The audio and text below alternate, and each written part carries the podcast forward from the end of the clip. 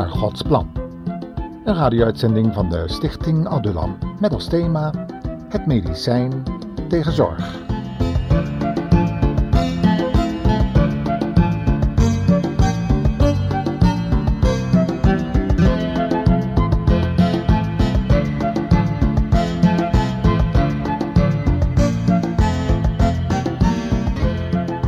Welkom luisteraar in ons speciale themaprogramma.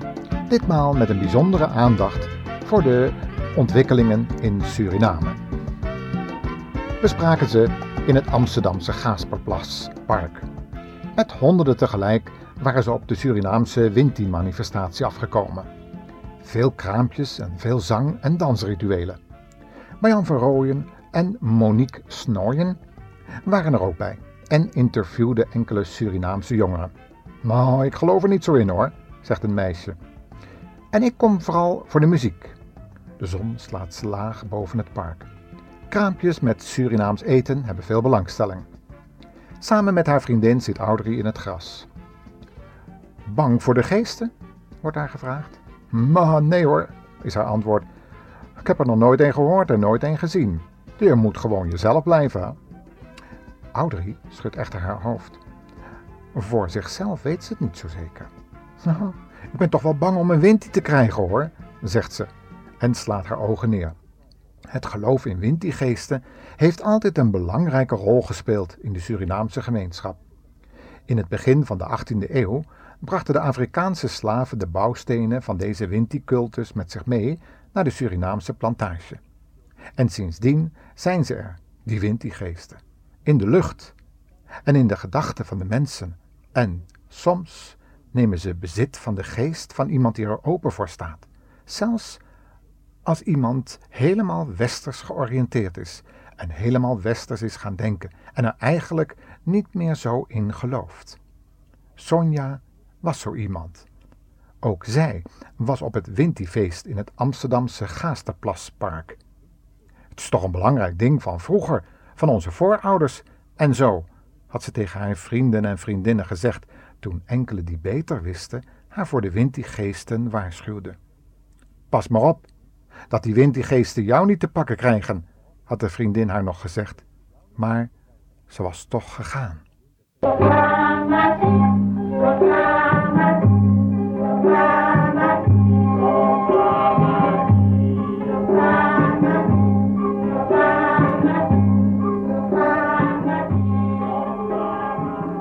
Geluid van de drum was al van ver te horen. Het deed je wat. Iets binnenin je begon mee te resoneren.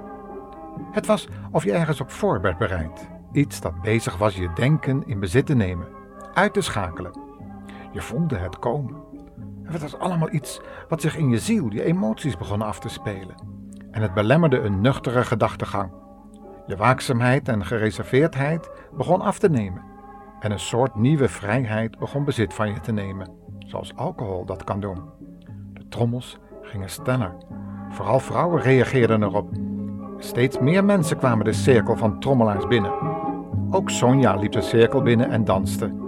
Eerst nog wat onwennig, houterig, maar al spoedig werden haar bewegingen losser, ongebondener, tot ze zich losmaakte uit de kluwe dansers en alleen voor de trommelende mannen ging staan. Hoofd in de nek, armen omhoog.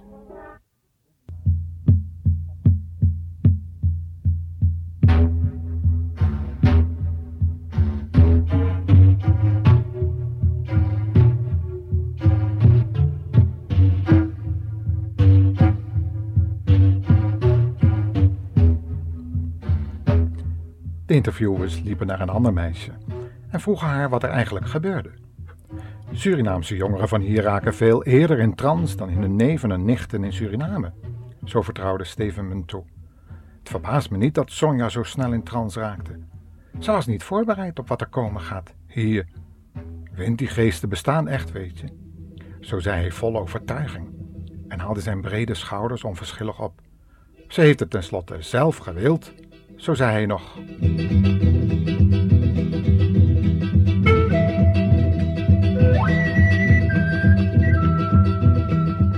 Ergens tussen de bergen in Israël klom een man een berghelling op. Hij had een drukke werkdag achter de rug. en zojuist veel mensen van voedsel voorzien. Hij hield van mensen en wilde hun lot met hen delen. Hij wilde hiervoor tot het uiterste gaan, zijn leven geven. Zo had hij tegen zijn medewerkers gezegd. Maar ze hadden hem verkeerd begrepen en ze hadden gedacht dat hij naar militaire middelen zou grijpen en een staatsgreep zou inzetten. Ja, ze waren bereid, bereid om voor hun, met hun leven zich voor de goede zaak in te zetten. Ten slotte ging het ook niet langer meer zo.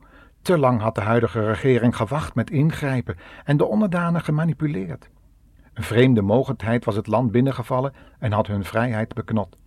Toegegeven, ze mochten hun godsdienstige rituelen behouden en hun erediensten waren intact gebleven. Dat bevredigde de godsdienstige gevoelens van het volk een beetje, maar echt veel had dat niet geholpen. Ze waren er alleen maar slechter op geworden en de economische toestand was bijna ondraaglijk geworden. De rijken werden alleen maar rijker en de armen zakten steeds verder onder de armoedegrens. Daarom was dat wonder van die spijziging dat die man gedaan had des te meer welkom geweest. Ze hadden in hem een toekomstige leider herkend, die al was aangekondigd door de profeten. Maar de meeste van die profeten hadden het met de dood moeten bekopen.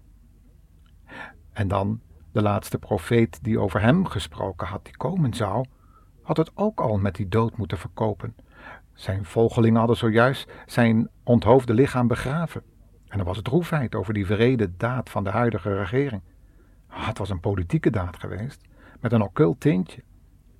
In principe was het de begeerte naar geld en macht wat de huidige leiding met hun aanhang tot deze daad had bedreven. En nu was er opeens die man gekomen, vol rustige autoriteit. Niemand kon hem aan. Zelfs de politie liep met een boogje om hem heen en waren niet in staat hem te arresteren. Plotseling was hij verdwenen.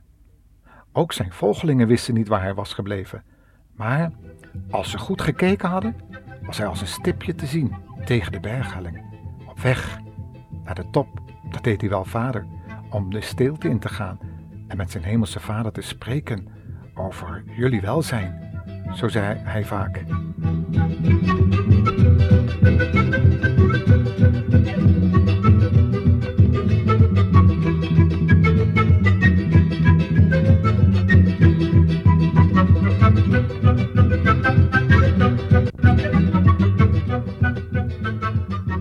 Intussen waren ze maar in de boot gestapt om naar de overkant van het meer te varen. Daar zouden ze hem wel weer ontmoeten, had hij gezegd. Maar plotseling was daar die valwind. Vanaf de heuvels had de wind zich op het meer geworpen en had grip gekregen op het bootje. Nu waren ze in moeilijkheden. Het was donker om hen heen en huizenhoge golven dreigden het schip te laten zinken. Met van angst vertrokken gezichten trachten ze te redden wat er toch te redden was. Maar tevergeefs. Plotseling zagen ze een witte gestalte over het water naderen. Een spook, gilden ze. Zou deze geestverschijningen in bezit nemen en hen te gronden willen richten? Juist nu, terwijl huizenhoge golven hen toch al zoveel vrees inboezemden? En daar was die geest. Een geest. Wat nu gedaan?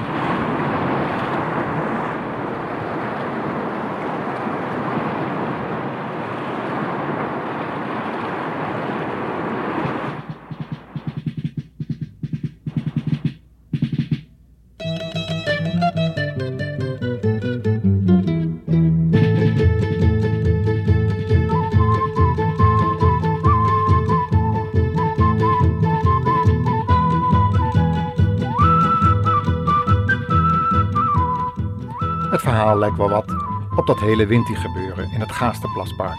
Nee, nu geen gezang en trommels, maar het geraas van wind en golven. Maar dat was genoeg om de vrees aan te jagen. En dan om het denken stop te zetten. En dan die geestverschijning. Maar wat een verschil in uitkomst met die winti-manifestatie. Inderdaad, God is een geest. Dat zei Jezus al. En die hem willen aanbidden, moeten dat doen in geest en waarheid. Zo had hij gewaarschuwd toen hij in zijn gesprek was met een overspelige vrouw die met haar zesde geliefde bezig was. Geest en waarheid. Dat kwam in zijn prediking steeds weer terug.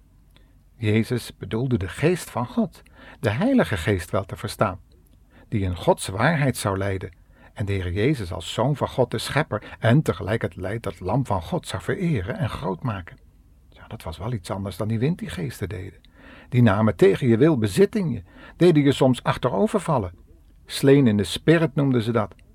En dat betekende dat je dan niet meer jezelf was, onder controle stond van iemand anders. Wie dat dan was, daar kwam je vanzelf achter, beweerde men dan. Want je had goede en slechte geesten, witte en zwarte magie. Zo heette dat dan.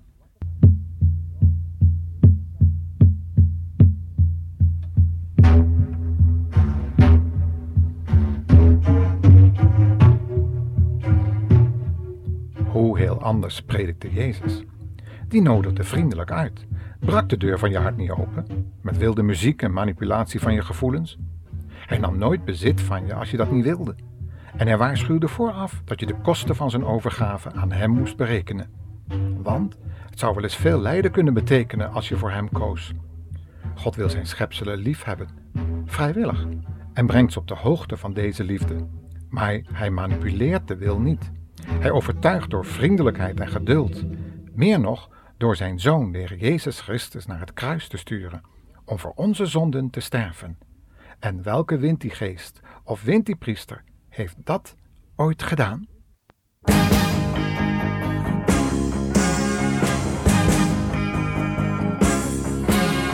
Gisteren zijn we gaan varen, alles was veilig en stil. Totdat een razende storm ons schip overviel. Liep daar een schim in de verte. Riep iemand, wees niet bevreesd. Ik hoorde mijn naam, ik zette mijn voet op de zee. En wandelend over het water ga ik met hem mee. Achter mij schreeuwen mijn vrienden, kruipen ze dicht bij elkaar. Bang voor het water, bang voor het vuur. Wie durft er mee in een nieuw avontuur? Wandelend over het water ga ik met hem mee.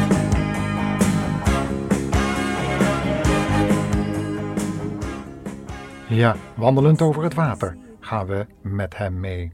Jezus stelde zijn discipelen dan ook gerust. Petrus mocht zelf naar hen toe lopen om in de kracht van Jezus de golven te bedwingen. Door geloof in Jezus' almacht en als gevolg van zijn uitnodiging om het onmogelijke te doen, beleefde hij wat het betekent om op de golven te wandelen, zoals Jezus deed. Wat het was voor het volk Israël toen ze achter zich de vijand wisten die hen wilde doden en voor zich de Rode Zee, waarin ze normaliter gesproken zouden verdrinken, dat was het gevoel van de discipelen. Maar in opdracht van God baanden ze zich een weg door de zee, zonder nat te worden. Luisteraar, God wil ook u door die moeilijkheden heen helpen waar u nu bent. Misschien hebt u familieleden in Suriname. Zijn ook zij in de problemen geraakt door het politieke en terroristische geweld? De onzekerheid neemt toe. Een interventie lijkt soms niet onmogelijk. En de chaos is compleet. Waar moet het Surinaamse volk, ja, eigenlijk wij allemaal heen? Vandaag hebt u het gehoord. Niet naar de wintigeesten. Niet met behulp van voodoo of broa die nood proberen te ledigen. Maar naar de Heer Jezus toe, die gezegd heeft: Kom tot mij, allen die vermoeid en belast zijn, en ik zal u rust geven voor uw zielen. Jezus is innerlijk met ontferming bewogen over de scharen, ook nu nog. Want hij is gisteren en heden dezelfde en tot in eeuwigheid. Hij doet nog steeds wonderen en wil dat wij zijn uitnodiging aannemen. Hem geloven en in gehoorzaamheid onze voet ook op het water zetten, waar zojuist van gezongen is. Het water van uw huidige levensomstandigheden. Juist nu het water u tot de lippen dreigt te gaan. Zoals Jozef gelouterd moest worden in de gevangenis, hebben wij dat soms ook nodig. En zoals Mozes moest vluchten, ook voor zijn eigen daad van agressie, ja, dan kan toch God toch een nieuw begin maken. En zoals Daniel en zijn vrienden in de vurige oven en voor de leeuwen geworpen werden, mochten ze toch die overwinning ervaren.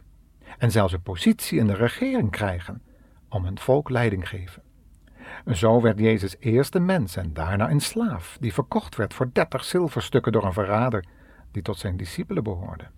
En daarna werd hij als misdadiger gevangen gezet en gemarteld, op het kruis vernederd en gedood. Maar hij had tegelijk alles onder volledige controle. Hij stond op uit de dood, ook uw dood. Want ook van u en mij wordt gezegd dat we dood waren in misdaden en zonden. En hij kan de overwinning behalen over al die demonische machten die de mensheid onder hun controle proberen te krijgen. Juist door het lijden op het kruis van Golgotha. Kolosse 2, vers 15, daarin zegt Paulus het zo. Hij, dat is Christus, heeft de overwinning over al die overheden en machten behaald. Hij heeft ze uitgetogen en hen in het openbaar tentoongesteld en heeft door die overheden en machten en door dat kruis over hen getriomfeerd. En in die overwinning wil de Heer Jezus ook u vandaag laten delen, als u nu uw knieën buigt, hem uw zonde beleidt en om vergeving smeekt en het goed gaat, maakt met al die mensen om u heen waarmee u een onmin leeft. Breek met al die geestvereringen, manipulerende muzikale en culturele en occulte festiviteiten en neem Jezus aan als heiland en Heer. Hij, en die u rust wil geven, ook als de dammen om u heen breken, de aarde verzwolgen wordt door vuur of water en u misschien bezwijkt van angst. Jezus redt en staat klaar om u in zijn paradijs te ontvangen en alle tranen van uw ogen te af te wissen. Hij belooft een nieuwe hemel en een aarde. Een nieuwe aarde. En hij komt eraan. Verwacht hem dus, juist nu het zo spannend wordt in deze vervloekte wereld. Want Jezus is Heer. God zegen u. En trekt mij omhoog uit de zee. Waarom toch ben je gaan twijfelen? Ga met me mee. En wandelend over het water ga ik met hem mee. Achter mij zie ik mijn vrienden, zoeken ze steun bij elkaar. Altijd nog aarzelend veilig aan boord. Wie durft het aan om te gaan op zijn woord? En wandelend over het water ga ik met hem mee. Wandelen